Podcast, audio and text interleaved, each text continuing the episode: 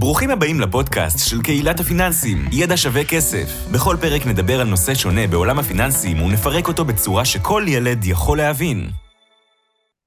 אהלן חברים, ברוכים הבאים לפרק נוסף בפודקאסט שלנו, ידע שווה כסף. אז uh, אני איתכם בר נעמני, ושוב פעם פרק עם האחד והיחיד, שי בדיחי. ערב טוב, מה קורה? אהלן בר, מה העניינים? איזה כיף להיות פה. אה, להתארח שוב בפודקאסט שלנו, ידע שווה כסף בפודקאסט.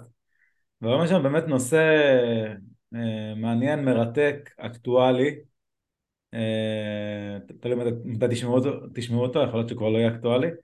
אנחנו רוצים לדבר קצת על מחירי הדירות בישראל. הרבה שאלות שאנחנו מקבלים בזמן האחרון מכם, הביאו אותנו ככה לדבר על הפרק הזה. אז כמובן שאנחנו אה, נעשה איזושהי סקירה קטנה של, אה, של המצב היום, אני חושב להגיד, אנחנו מקליטים את הפרק במרץ 2023, אנחנו לא יודעים מתי תאזינו, אז כמובן שיכול להיות שזה יהיה יותר רלוונטי, פחות רלוונטי, אבל מה שחשוב לי דווקא שתיקחו מהפרק זה לא מחיר של דירה ספציפית או של שוק, זה להבין את הלך הרוח, את החשיבה, אה, איך אנחנו מסתכלים על הדברים, ותמיד אפשר ללמוד מזה, ונשמח גם כמובן אם יהיה לכם מסכימים איתנו, לא מסכימים איתנו, תכתבו לנו אחר כך אה, באתר שלנו, או בעמוד פייסבוק וכולי, אז בואו נתחיל. אני, אני, אני, ש... אני רק אחדד, שנייה לפני שאתה מתחיל, אני אחדד, מעבר לזה שכן, יש פה טיפה אקטואליה על מחירי הדיור, אה, כמו שאמרת, אני לא רוצה שת... כאילו, יהיה מעניין עוד שנה להסתכל ולהגיד מה, ולראות מה אמרנו, אני כן אשתדל לתת את דעתי, אני אתן דברים אובייקטיביים, ואז אני אתן את דעתי ככה בין הדברים, אה, אבל אני כן חושב שכמו שאמרת, זה לא עניין של אם אנחנו צודקים או לא צודקים ומה אנחנו חושבים שיקרה למחירי הדיור, זה לא העניין הזה, אנחנו כן רוצים לתת אה, הרבה נקודות חשיבה וזוויות שאני חושב שרוב האנשים לא מסתכלים עליהם אה, או לא רואים אותם. אה, זה, זה, זה, זה הראש של מה שאני רוצה שיהיה בפרק הזה, ויאללה תתחיל באמת מסקירה קצת של מה קורה עכשיו ונמשיך. אז אני חושב שמה שחשוב לציין זה שאי אפשר לדבר על מחירי נדל"ן בלי לדבר על ריבית. בסוף ריבית זה עלות הכסף, זה כמה עולה לנו לקנות נדל"ן, כי אני לא מכיר כמעט אף אחד במדינת ישראל שקונה דירה בלי משכנתה. יכול להיות שיקבל ירוש, ירושה של דירה בלי משכנתה, אבל אני לא מכיר אנשים שקונים דירה בלי משכנתה, זה לרוב גם לא החלטה שהיא כלכלית אה, נכונה, שוב, תלוי אה, בהרבה מאוד אה, מובנים ומקרים, אבל אה, רוב האנשים לוקחים, לוקחים משכנתה ולכן צריך להבין את העלות של ההחלטה הזאת. לוקחים הרבה משכנתה, מעט משכנתה, בכלל מה זה אומר הרבה ומעט אז בואו נתחיל רגע באיזושהי סקירה היסטורית של uh, הריבית קצת ככה ש, שנים אחורה. אז uh, לא לכולנו יש זיכרון ארוך, אנחנו ב-2023 ואני אקח אתכם אי שם לתקופה שהייתי בערך בן שמונה. מי יודע באיזה שנה אני מדבר, כמובן 1995 אז ב-1995 ריבית בנק ישראל, תקשיבו טוב חברים, הגיע ל-17 אחוזים. זה משוגע. זה, זה אומר שאם אתם שמים את הכסף בפיקדון בבנק, אתם עושים תשואה שהיום תחלמו לעשות אותה עם, עם המכשיר עם הסיכון הכי גבוה שקיים. אני, אני, אני, רוצה, אני רוצה להגיד על זה, אמנם אני ב-95 הייתי בן שנה, אז אתם יכולים גם להבין את הגילאים שלי ושל שי ואת ההפרש בינינו, אבל, אבל אני רוצה להגיב על זה ש, שזה נותן פרופורציות לפעמים אה, לתקופה שאנחנו חיים בה כי אנחנו תכף אפשר להמשיך עם הסקירה אבל כולנו יודעים ומי שעוקב אה, אה, ולא חדש לעולם הזה של ההשקעות כולנו יודעים שאנחנו יוצאים מתקופה של ריבית אפס כבר 15 שנה בערך ועכשיו הריבית נראית לנו אסטרונומית. אנשים כאילו במיוחד גם בהתחלה של העלאות הריבית אנשים אמרו מה, מה נראה לכם? זה יגיע לשניים שלושה ארבעה אחוזים וכאילו כשאנחנו מסתכלים אחורה ויוצאים טיפה כאילו לוקחים שניים שלושה אה, סקופים אחורה וצעדים אחורה אנחנו מבינים ש, שהעולם ידע להתנהג וידע להתמודד ו, ואנשים חיו והיה פה נדל"ן גם בישראל אה, וגם היה פה שוק ההון גם בתקופה הזאת גם בריבית כזאת מטורפת. אז, אז נקודה ראשונה קבלו פרספקטיבה לאיך דברים התנהלו וזה ש-15 שנה הריבית הייתה אפסית ואני גדלתי לזה בתור בן אדם בוגר שהריבית היא אפס זה לא אומר שככה הדברים אה, הולכים להיות, בגלל זה כן חשוב להבין את ההיסטוריה והסקירה הזאת היא סופר חשובה בעיניי כדי לתת נקודת זווית שונה וזהו תמשיך שי. אז בואו בוא נתקדם את חמש שנים קדימה לשנת 2000 אז ריבית בנק ישראל ירדה, זאת אומרת הייתה 17% בערך ירדה ל-10.3 אחוזים, אה, ככה באזור חודש פברואר, אה, שאגב גם לזה לא הייתי מתנגד אם היה לי מקום שהייתי שם בסיכון כמעט אפס, אין דבר כזה בלי סיכון לגמרי, ומקבל עשרה אחוזים על הכסף כל שנה, מהר מאוד אפשר להגדיל טון בצורה משמעותית. אז ממשיכים להתקדם בשנים, וב-2002 הריבית כבר ירדה לפחות מ-6 אחוזים, מדברים על 5.6 אחוזים באזור חודש יוני, ואז היא שוב קפצה למעלה, שימו לב, זה גם יכול לרדת, אבל גם יכול לעלות, אוקיי? לא לא לעולם חוסן, אז uh, הריבית עלתה ל-9.1 אחוזים uh, לאחר מכן. באיזה שנה 9.1, סליחה? ממש באותה שנה. אה, אוקיי. ואז ה... בצורה סיסטמטית התחילה לרדת ולרדת ולרדת עד הריבית שרובנו זוכרים 0.1 אחוזים שזה יותר קרוב ל-0 מאשר ל-1 אבל גם 1 זה קרוב ל-0 אז 0.1 אחוזים זה בעצם 0.001 זה מספר מאוד מאוד נמוך. בעצם זה אה, כלום ושום דבר. זה היה באזור מרץ 2015 וזה ליווה אותנו עד uh, ממש שנה שעברה, עד uh, אפריל שנה שעברה, סוף מרץ, שבעצם הריבית התחילה לעלות, פה רבע אחוז, פה חצי אחוז, לא נזכור את כל, ה, את כל הדרך שלה, עד שהיא הגיעה למצב של היום, שהריבית כבר uh, יחסית גבוהה, כלומר היא הייתה 0.1 אחוז, עברה את ה-1 אחוז, עברה את ה-2 אחוזים, עברה את ה-3 אחוזים, ו... אה, להיום הריבית עומדת על 4.25 אחוזים. אה, נכון, קודם כל העלאות הריבית היו יחסית מהירות אה, וזה משהו ש, שאנשים לא ציפו בתחילת הדרך אז, אז קחו, דברים, קחו בחשבון שהדברים הם מאוד דינמיים אם תסתכלו על תחזיות של בנק ישראל, גם לא אגב בנק ישראל, זה בכל העולם.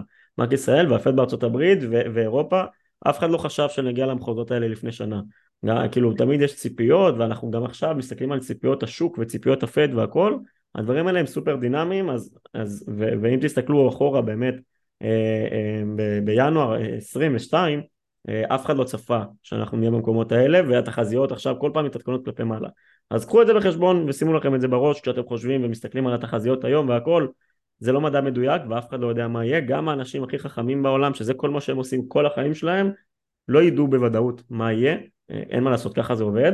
אה, משהו שכן רוצה... חשוב לי, רגע רגע שנייה, משהו שכן חשוב לי להגיד, שאומנם דיברנו על הריביות, אבל זה כמובן, כמובן, תמיד צריך להסתכל על הריבית גם בהתחשב באינפלציה, אנחנו לא, זה לא שיעור היסטוריה, אנחנו לא עכשיו נתחיל לזכור את האינפלציה שהייתה לאורך השנים, אבל זה משהו שחשוב לשים בראש, כלומר, אה, אם הריבית הייתה גבוהה, אבל גם האינפלציה הייתה גבוהה, אז, אז זה קצת משנה את המשחק מבחינת הגדלת ההון, מבחינה ריאלית לפחות והכל, אה, בהתחשב בנתוני האינפלציה. בקיצור, כן, תמשיך, סליחה. אז אני, אני אומר, מה, מה אני רוצה שניקח וננסה לחשוב פה ביחד? שהריבית יכולה לעלות, יכולה לרדת, ובשיעורים מאוד ניכרים. כלומר, אה, הגיע ל-17 אחוזים והגיע ל-0, זה, זה מנעד מאוד מאוד גדול. אבל עדיין, אם נסתכל על הגרף של מחירי הדירות בין השנים 1995 עד היום, אז גם, גם מחירי הדירות ירדו ועלו כמה פעמים, אבל עדיין הם במגמת עלייה, אוקיי? אה, בדיוק אגב כמו בשוק ההון, גם שוק ההון עולה ויורד הרבה מאוד פעמים, אני אסתכל ברמה יומית, או ברמה חודשית, או ברמה שנתית, אבל אם אני אעשה uh, out of scope, אני אצא החוצה ואני אסתכל על, ה, על הגרף מרחוק, הוא יראה לי יחסית יחסית uh, גרף ישר ליניארי ככל שאני אתרחק, uh, כי בסוף המגמה היא מגמת עלייה. אני... עכשיו... אוקיי, סליחה, תמשיך. מה, מה, מה, מה, מה, מה זה מלמד אותי? זה מלמד אותי שכשהריבית יותר יקרה, יותר גבוהה, עלות הכסף יותר גבוהה, לאנשים יותר קשה אה, לעמוד בהחזרים החודשיים אה, במשכנתאות, ולכן פחות אנשים אה, ייקחו, ייקחו משכנתה. זאת אומרת, השוק יצטנן, שזה בדיוק מה שקורה ממש ב, בימים אלו. ואם השוק מצטנן, אז uh, כבר לא כל אחד יכול לשים את החלום הרטוב שלו, יכול לשים, אבל זה לא תמיד יעבוד. החלום הרטוב שלו ביד שתיים, יכול לקוות שהוא יקבל את המחיר, אבל זה לא בטוח שהוא יקבל את המחיר. אה, ואז מה, ש, מה שזה אומר, זה אומר בסוף אה, אם אני אשים עכשיו אה, עגבנייה אחת בשוק וכולם רוצים לקנות עגבנייה, אז יהיה מישהו שמוכן לשלם לי יותר. אבל אם אף אחד לא רוצה את העגבנייה, אז אני אהיה מוכן לשלם פחות.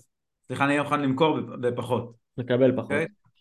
זאת אומרת שאפשר לנצל את התקופה הזאת דווקא, אה, לעשות משא ומתן עם כל מיני אנשים שאולי טיפה יותר לחוצים, אה, אנשים שאולי התקררו קצת כי הם לא מקבלים פתאום פניות כמו שהיו רגילים בעבר והכוח הוא בידיים של הרוכשים ולא בהכרח של הקונים ולא בהכרח של המוכרים אז, אז, אז, אז מה זה אומר? זה אומר שאם הכוח בידיים של הרוכשים זה בעיניי זמן מצוין למי שרוצה להיכנס לשוק להיכנס לשוק כי מתי אני רוצה להיכנס לשוק? אני רוצה להיכנס לשוק שאני יכול אה, להתמקח, לא בזמן שכולם רוצים את אותו, אותה דירה ו...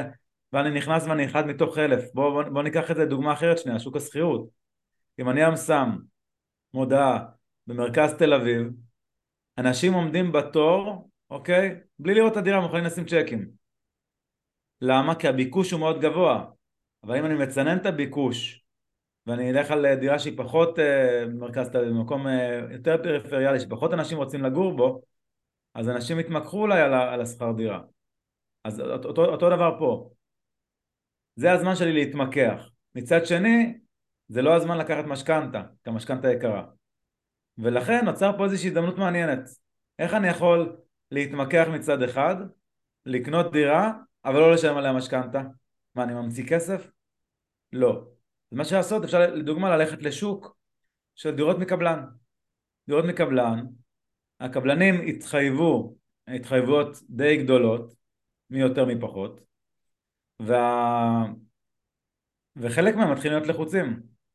הם רוצים למכור את הדירות, אבל יש כאלה שיש להם שומנים ומכרו כמו מטורפים ב-2022 והם אה, יחכו עוד הרבה זמן עד שהם יורדים מחירים. ויש כאלה שהתחילו להוריד מחירים. עכשיו, הם לא ישר רוצים להוריד מחירים אז הם עושים לנו כל מיני משחקי, משחקים שיווקיים. אה, לדוגמה מדד תשומות הבנייה אה, קבוע לדוגמה קנה עכשיו, שלם מדד אחר כך, לדוגמה אל תשלם את המדד, לדוגמה אה, בוא תשלם לי 20-80, מה זה אומר בוא תשלם לי 20-80? שלם 20% מערך הדירה עכשיו ו-80 תשלם לי בסוף. בסוף זה אומר בטופס 4, כאשר טופס 4 זה אומר שיש תשתיות לא, לאותו, אה, לאותה דירה ואפשר כבר לגור בה אז תשאל לי בסוף, אז מה, מה אני יכול, מה, מה בעצם עשיתי? עכשיו התמקחתי, ניצלתי את הריבית שעלתה, שוב באופן יחסי, אמרנו 4.25 זה יחסית נמוך ל-17, אז זה בסדר, אוקיי? אבל יחסית ל-0.1 שאנחנו רגילים אליו הרבה מאוד שנים זה מאוד מאוד יקר, אז אני יכול לנצל את המצב כדי להתמקח על המחיר, לקנות היום מחיר שהוא יחסית טוב עבורי, מצד אחד, מצד שני, אני לא אקח את המשכנתה היום, אני דוחה את המשכנתה, אני אקח אותה מתישהו אה, בעתיד, בעוד שנתיים שלוש, שהדירה תהיה בנויה, כרגע אני קונה על הנייר, אין דירה בנויה. ו, ואני יכול גם להתמקח על מדד תשומות הבנייה, אז בוא נגיד במשפט רגע מה זה אומר. מדד תשומות הבנייה זה בעצם אה, משהו שמחשב לי את ההתייקרות של חומרים של, אה, של הבנייה, אוקיי? מלט וכולי וכולי, כל מיני דברים שאותו אה, אה, קבלן משתמש בהם בשביל לבנות, אז בודקים כל חודש כמה, כמה המוצרים האלה, החומרים האלה מתייקרים, ובהתאם לזה מתייקר מה שצמוד אליו, במקרה הזה המחיר של הדירה. המחיר של הדירה מתייקר בהתאם להתייקרות של המדד. אני יכול להגיד שלפני אה, חודש המדד התייקר ב-1.2% בחודש בודד, זה המון, אוקיי? Okay? זה המון. זה, תחשבו על זה שסדר גודל של דירה של אה, שלושה מיליון, מעל, מעל עשרת אלפים שקל, אוקיי? אה, צריכים להוסיף לדירה על חודש בודד, מי יודע מה יהיה בחודש הבא, אוקיי? עכשיו, זה... זה, זה רק 40 אחוז הצמדה למדד עכשיו, זה לא על הכל, אבל, אבל כן. כן, אבל זה, זה, זה הסכום שיוצא פחות או יותר. אז ב, ב, בשורה התחתונה, זה, זה זמן טוב גם להתמקח על המחיר, גם להתמקח על תנאי תשלום, 20-80, ראיתי גם אה, קבלנים שעושים 10-90, כלומר 10% היום, 90 בסוף, אבל גם אפשר להתמקח על כמה, כמה זה יהיה צמוד, האם זה יהיה, יהיה מגבלה, נגיד יש קבלנים שראיתי שעושים אה, כל שנה עד אה, אחוז מסוים, נגיד עד 1 אחוז, עד 2 אחוז, עד 3 אחוז, לא משנה כמה, זאת אומרת לגדר את הסיכון כמה המדד יעלה ויש כאלה שאומרים בלי מדד, בדרך כלל שאומרים בלי מדד רק תבדקו שלא יקרו לכם את המחיר של הדירה וזה לא טריק שיווקי, צריך תמיד להבין מה המחיר באמת ששווה את הדירה. אז אם אני אסכם, רגע סיכום ביניים, התקופה הזאת היא מאוד מעניינת, נוצרות הזדמנויות לרכוש נכסים במחירים אה, שיותר אטרקטיביים מבחינת משא ומתן, אבל צריך להתמקח, כמו כל דבר בחיים. הריבית פחות משתלמת, אז אם אנחנו נדחה את הריבית, אולי בעתיד יותר ישתלם, אולי לא, אנחנו לא יודעים, כמו שאף אחד שלקח משכנתה שהייתה 17 אחוזים, לא ידע שהיא תגיע ל-0.1, אז אנחנו לא יודעים אה, אם הריבית תעלה או תרד, יש סברות שאומרות שהריבית תרד, ואם אם, אם היא אכן תרד, שוב אני לא יודע מתי ו, ואיך זה יקרה, אז ניצחנו בכל המערכות, גם קנינו בזול, אוקיי, כי הצלחנו להתמקח עם הקבלנים, וגם לקחנו את המשכנתה במחיר יותר סביר, אוקיי? אה, וכמובן כל זה בהנחה שזה אי אפשר לדעת כמובן, שיש מגמה של עלייה לאורך זמן. אז זה, ה... זה הרעיון, זה הכיוון, זה הלך הרוח בחשיבה איך שאני רואה את הדברים. אה, כמובן שגם אפשר לקנות דירה יד, שנייה, גם שם אפשר להתמקח, אבל שם אנחנו ניקח את המשכנתה כנראה היום, והיא תהיה יותר יקרה, וזה צריך לקחת את זה בחשבון, שזה חלק מהעלויות שצריך לשקלל ברכישת הדירה. אז אני, אני, אני רוצה להגיב, קודם כל לגבי העניין של, של הקבלן, אני מסכים לגמרי, אני חושב ש, שיהיו אה, הזדמנויות מעניינות, כבר עכשיו יש קבלנים שאולי יותר בלחץ ויהיו הזדמנויות מעניינות, צריך כן לשים לב שדווקא בתקופה כזאת אה, אולי לבדוק קצת יותר על הקבלן ומי החברה ומי עומד מאחוריה וכמה הם חזקים כדי שחלילה לא יקרה מצב שאנחנו, שהקבלן נופל או משהו כזה, נכון יש ערבות חוק מכר והכל, אנחנו לא ניכנס לזה עכשיו, אה, מי שרוצה מוזמן לכתוב בגוגל ערבות חוק מכר ולוודא שכמובן אתם חתומים עליו כחלק מהתקשרות עם קבלן. אה, וזה אמור להגן עליכם, אבל עדיין זה, זה לא סיפור נעים ואנחנו, לא, ואנחנו לא רוצים להיות אה, במקום כזה. זה קודם כל. אה, אני, אני רוצה לחזור אחורה רגע, כי היה לי נקודה שאני שומר אותה כבר הרבה זמן, שדיברת על עליית הריבית, שהיא משפיעה במרכאות לא טוב, לא לטובה על שוק ההון ועל הנדל"ן. עכשיו, בטווח זמן הקצר זה, זה נכון, זה עובדתי וזה גם מאוד הגיוני, כי אנחנו מדברים על זה שנוצרים אלטרנטיבות והכל, לא נחזור לזה, מי שרוצה יכול להסתכל בפרקים אחורה. אמ, מה שאני רוצה לדבר עליו שלא מדברים עליו לדעתי מספיק שלדעתי שלטווח הארוך זה עושה טוב כי זה במרכאות מנקה זבל. כלומר אמ, בתקופה של ריבית אפסית אה, חברות אמ, הלכו על צמיחה והכל ולקחו עוד כסף ועוד כסף וכאילו גייסו בלי סוף כי היה כסף זול מה שנקרא ואתה יודע חברות הונפקו שנת 2021 הייתה שיא מטורף חברות הונפקו בשווים מטורפים ועכשיו עלתה, עלתה הריבית ומה שנקרא רואים מי נשאר עם התחתונים, אה, בלי תחתונים ו, ובשורה התחתונה זה מנקה זבל.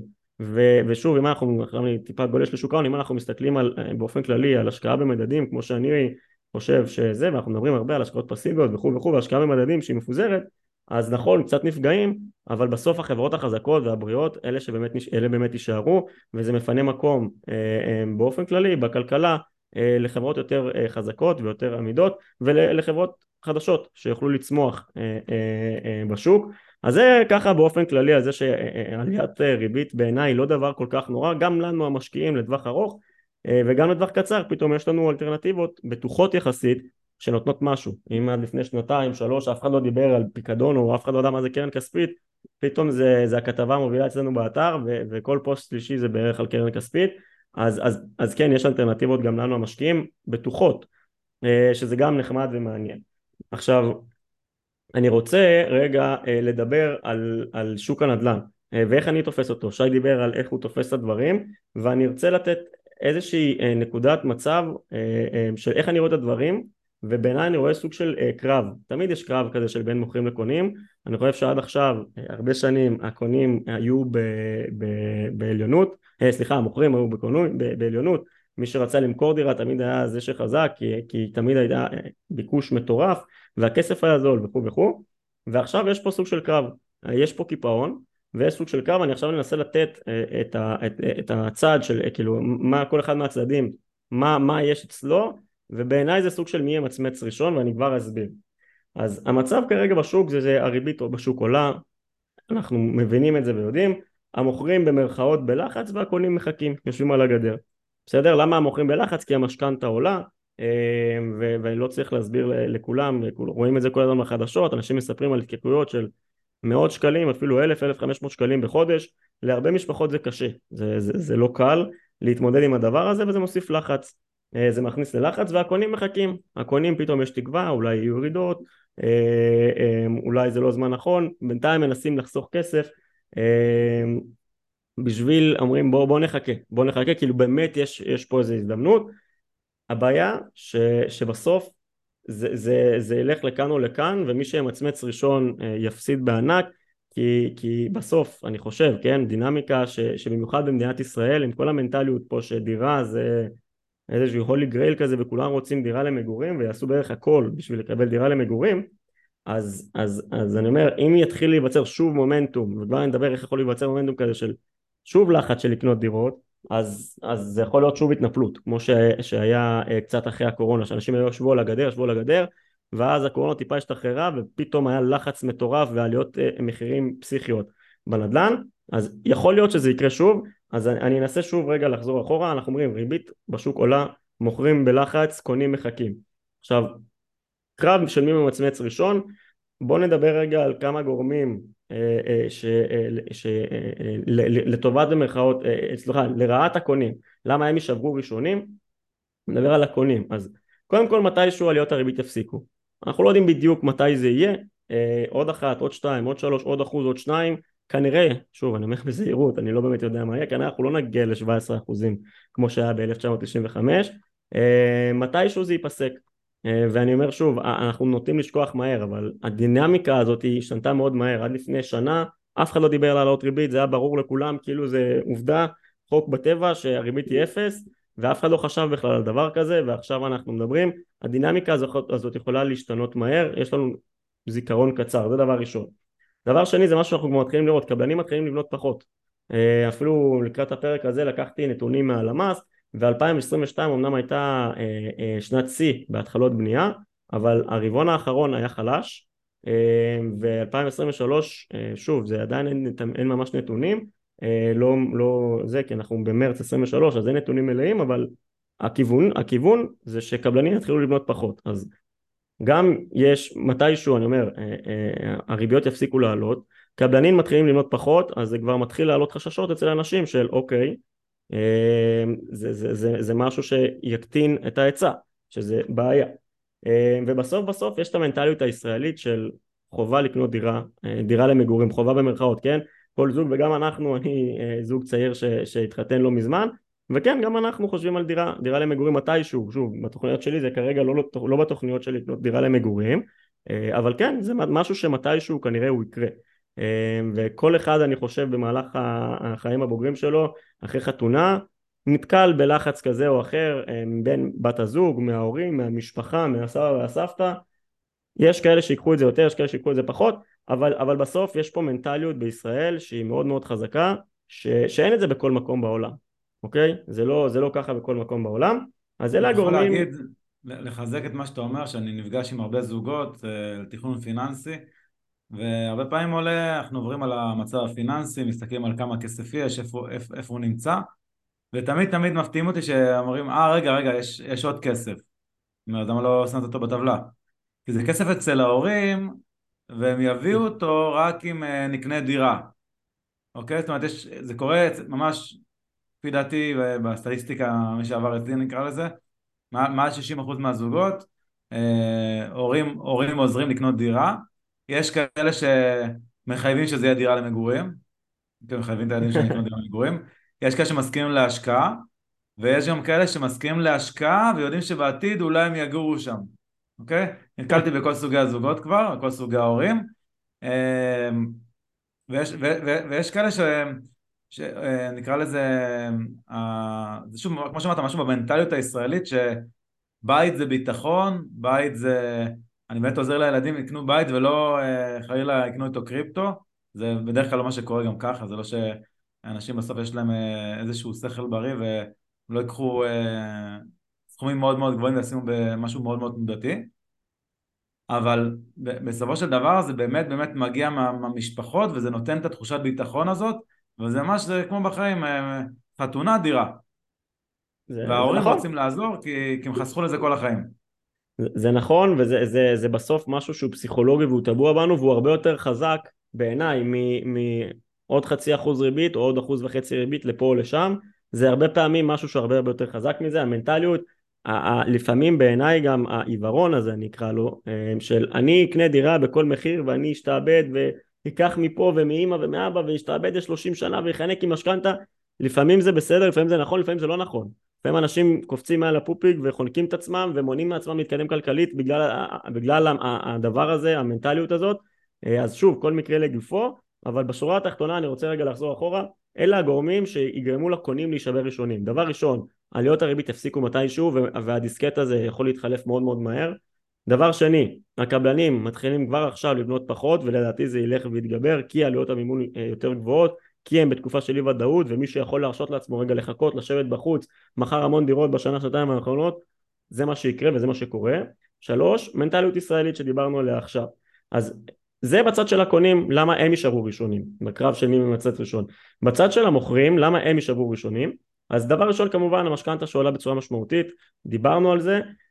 העניין הוא שלדעתי אמ, זה, זה נכון שהמשכנתה עולה בצורה משמעותית ואלף שקל למשפחה לחודש יש משפחות שזה גורם להם להיכנס ל, ל, לסיטואציה מאוד מאוד לא טובה ותזרים שלילי וכו' וכו' בסוף אני חוזר למנטליות הישראלית תנסו לחשוב עכשיו אמיתי יש לכם אה, אה, משפחה זוג ילדים שלושה ילדים המשכנתה עלתה ב-500 או ב-700 או ב-1000 שקלים בחודש קודם כל כנראה שבחודש חודשיים או שלושה הראשונים אתם תעלימו עין ולא תסתכלו על זה. כנראה אני מקווה שזה לא אנשים שמאזינים לפרק בפודקאסט הזה ולא אנשים שבידע שווה כסף אבל בסוף כנראה שבחודשים הראשונים יעלימו עין זה יבלע במינוס קיבלנו איזה בונוס קיבלנו איזה משהו נסגור את זה איכשהו. זה, זה תהליך שלוקח זמן וכמה חודשים. עכשיו אם זה יימשך חצי שנה או שנה או משהו כזה כנראה ש, ששוב שמי שאחראי יפחית צריכה במקום אחר בין אם זה בילויים וזה מסעדות ואולי חוגים ואולי לא יודע מה אולי רכב או משהו כזה הרבה לפני שהוא יוותר על דירה למגורים.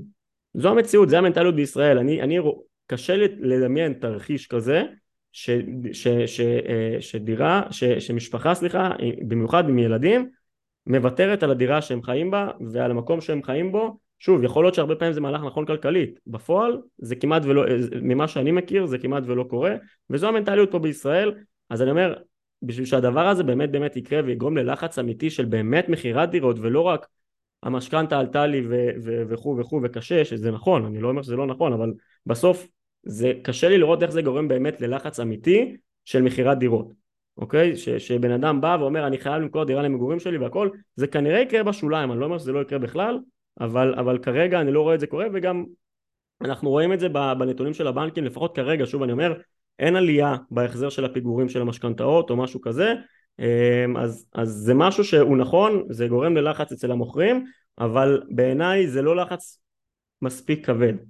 אמ, הדבר השני שיכול לגרום למוכרים להישבר אה, זה המשך ש, שאם אנחנו נראה באמת נתחיל לראות ירידה והידרדרות במחירי הדיור אז יגידו וואו אולי שווה למכור אולי פה אולי שם. זה יותר בכיוון המשקיעים שגם ככה כבר פחות נמצאים בשוק בגלל אה, הרבה הרבה דברים, כאילו ענייני מיסוי והכל, והעלויות הכבדות, אבל זה משהו שכן יכול ליצור סוג של אפקט דומינו של כאילו אם רואים שה, שהמחירים יורדים אז זה יגרום למוכ, למוכרים אולי קצת להישבר וקצת אה, זה, זה כן אפקט שגורם, יכול לגרום למשבר, אה, סליחה, למוכרים אה, להיכנס לסוג של משבר ולהישבר ראשונים.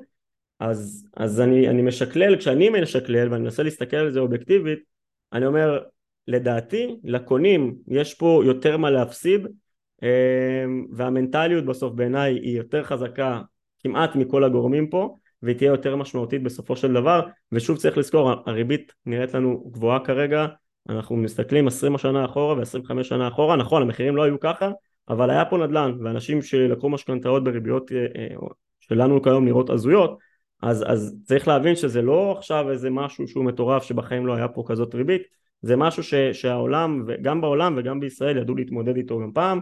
אז אם אני חושב מי ימצמץ ראשון כשאני מנסה להסתכל על זה כמה שיותר אובייקטיבי אני חושב שהקונים יישברו ראשונים.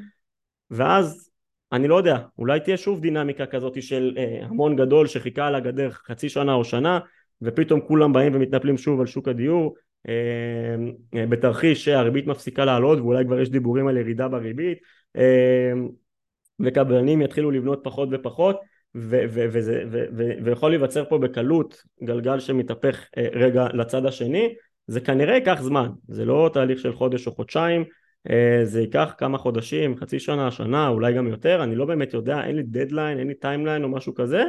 אני פשוט כרגע זו הדינמיקה שאני רואה וזה ו- וכאילו שוב אני לא נביא ואני מאוד מסתייג כי אני לא, לא רוצה שאנשים יקבלו החלטה על סמך זה ובר אמר או מה זה משהו כזה אז אני, אני, אני משתדל לשים פה את הנתונים על השולחן כדי שאתם אה, אנשים שהם אה, בוגרים ומאזינים שיש להם ראש על הכתפיים תחשבו בעצמכם תנסו רגע לדמת את התרחישים לחשוב בעצמכם ולקבל החלטה שהיא נכונה לכם.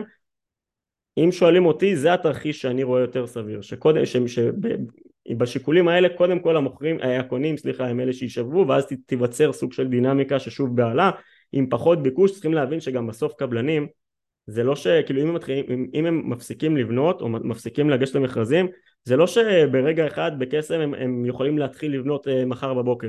זה מכרזים, זה פרויקטים, זה דברים ש... זה, תהליכי, אה, זה תהליכים שלוקחים המון המון זמן וכמה חודשים. אה, אה, זה לוקח לזה לקרות אז גם אם היו רוצים באיזשהו שלב זה ייקח להם אה, זמן אה, לעשות את זה.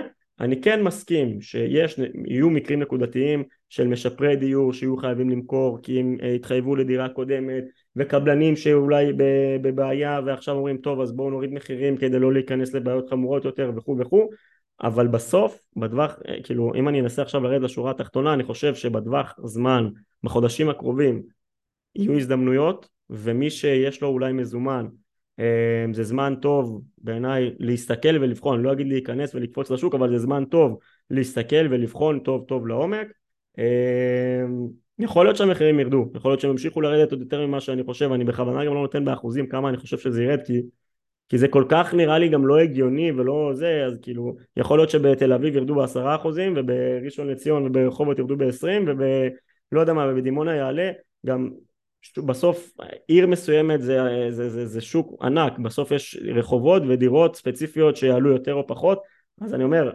אני נמנע מלהגיד אחוזים, אני פשוט חושב שתהיה הזדמנות, יהיו הזדמנויות בחודשים הקרובים, לא יודע אם זה ייקח חצי שנה או שנה או קצת יותר, אבל בסוף מי שמצמץ ראשון לדעתי, כן, אה, זה אה, הקונים, מקווה שהצלחתי לתת את התמונה ושזה מצליח להיות ברור. אמ, אלה השיקולים המרכזיים, כמובן שיש עוד שיקולים ואפשר לדבר על זה ימים שלמים, אלה השיקולים המרכזיים שאני רואה אותם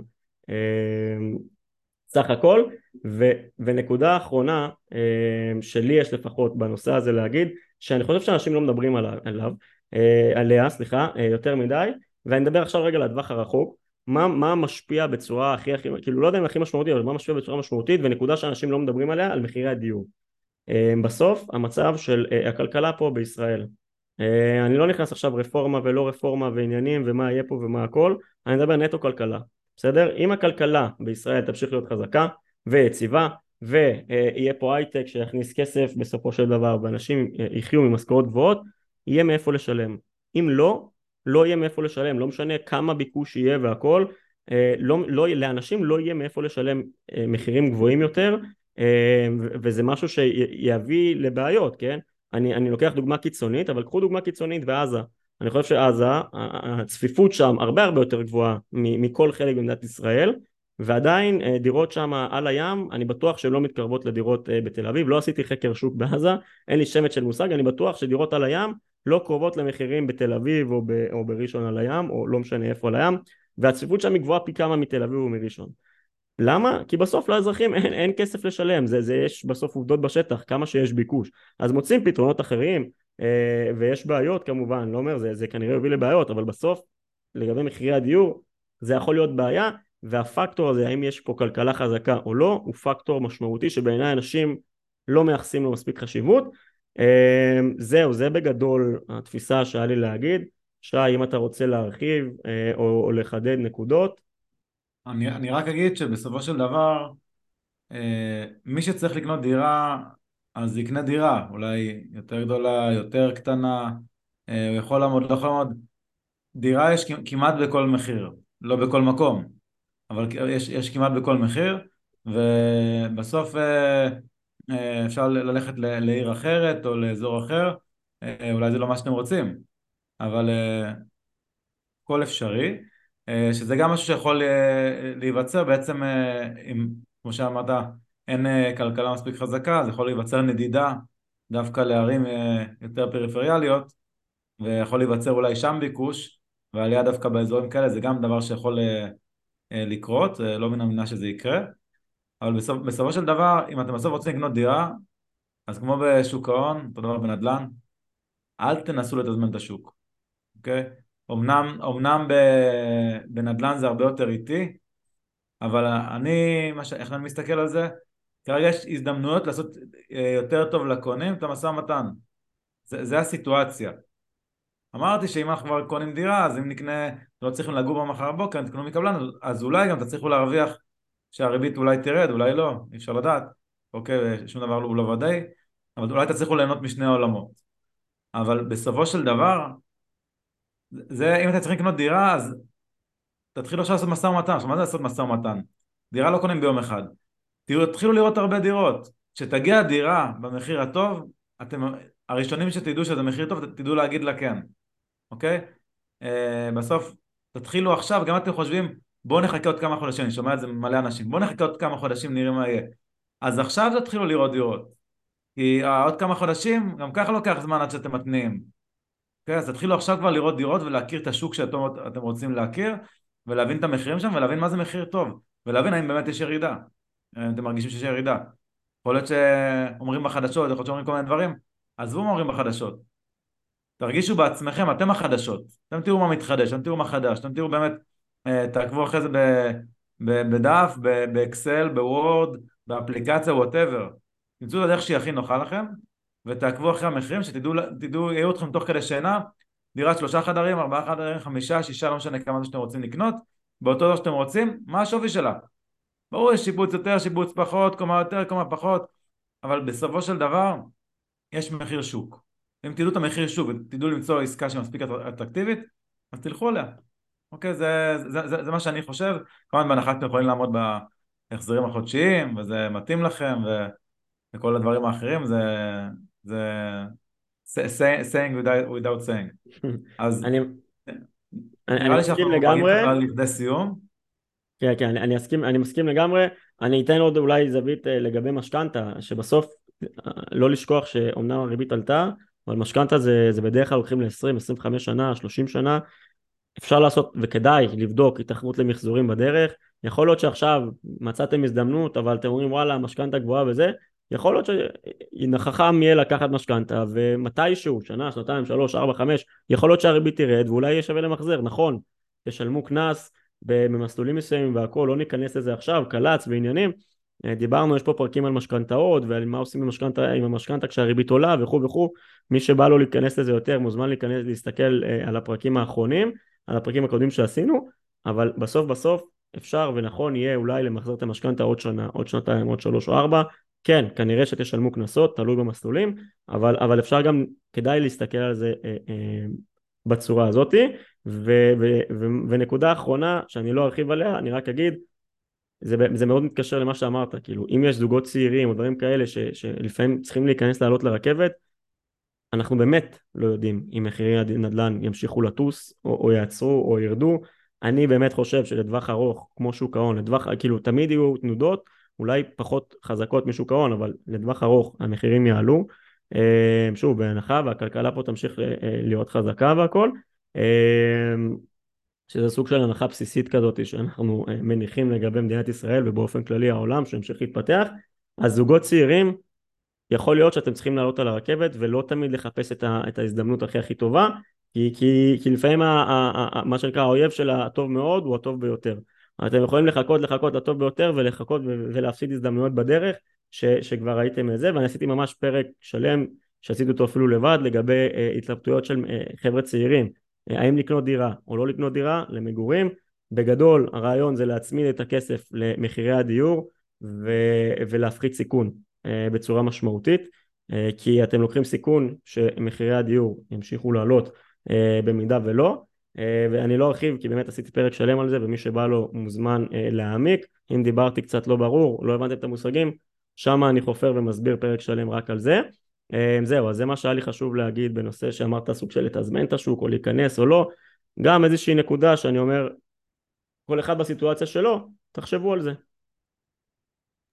אז נסיים כמו ז'וז'ו חלסטרה ותחשבו על זה. אה, אז אה, באמת אה, כיף שאתם איתנו כאן כל פרק, כל שבוע, כל יום רביעי, ידע שווה כסף הפודקאסט, שמחנו להתארח, אז אני הייתי שי בדיחי, תודה בר נעמני, וכמה אתם מוזמנים לכתוב לנו אם אהבתם את הפרק, אם למדתם משהו חדש, אם אתם מסכימים איתנו, לא מסכימים איתנו, יכולים לכתוב לנו בעמוד שלנו ידע שווה כסף אה, מקף הדף הרשמי, או בקבוצת פייסבוק שלנו ידע שווה כסף, מקף לי זה עולה יותר, או כמובן אה, חפש אותנו בגוגל ידע שווה כסף, כתוב לנו באתר האינטרנט שלנו ידע מקף כסף co.il בקיצור לכל הפלטפורמות חפשו ידע שווה כסף בגוגל ו... ו- ומעבר להכל, מעבר להכל אם אתם עדיין מאזינים לנו כנראה שאתם אוהבים את הפרק או שאתם תקועים באיזה פקק ולא יכולים לגעת בטלפון אבל אני מקווה שזו האופציה הראשונה. אז תעשו לנו טובה, דברו עם חברים, תשלחו להם את הפרק, תמליצו עלינו. זה עושה לנו טוב על הלב אה, אה, אה, לראות ולקבל מכם את התגובות ובסוף המטרה שלנו זה להגיע לכמה שיותר אנשים. בסוף זה יגיע אך ורק אם תעבירו את זה הלאה. אה, אז תעשו טוב גם לחברים אהבתם את הפרק תעשו טוב לחברים שלכם אני בטוח שזה יחזור גם אליכם. אה, זהו חברים נתראה בפרקים הבאים. ביי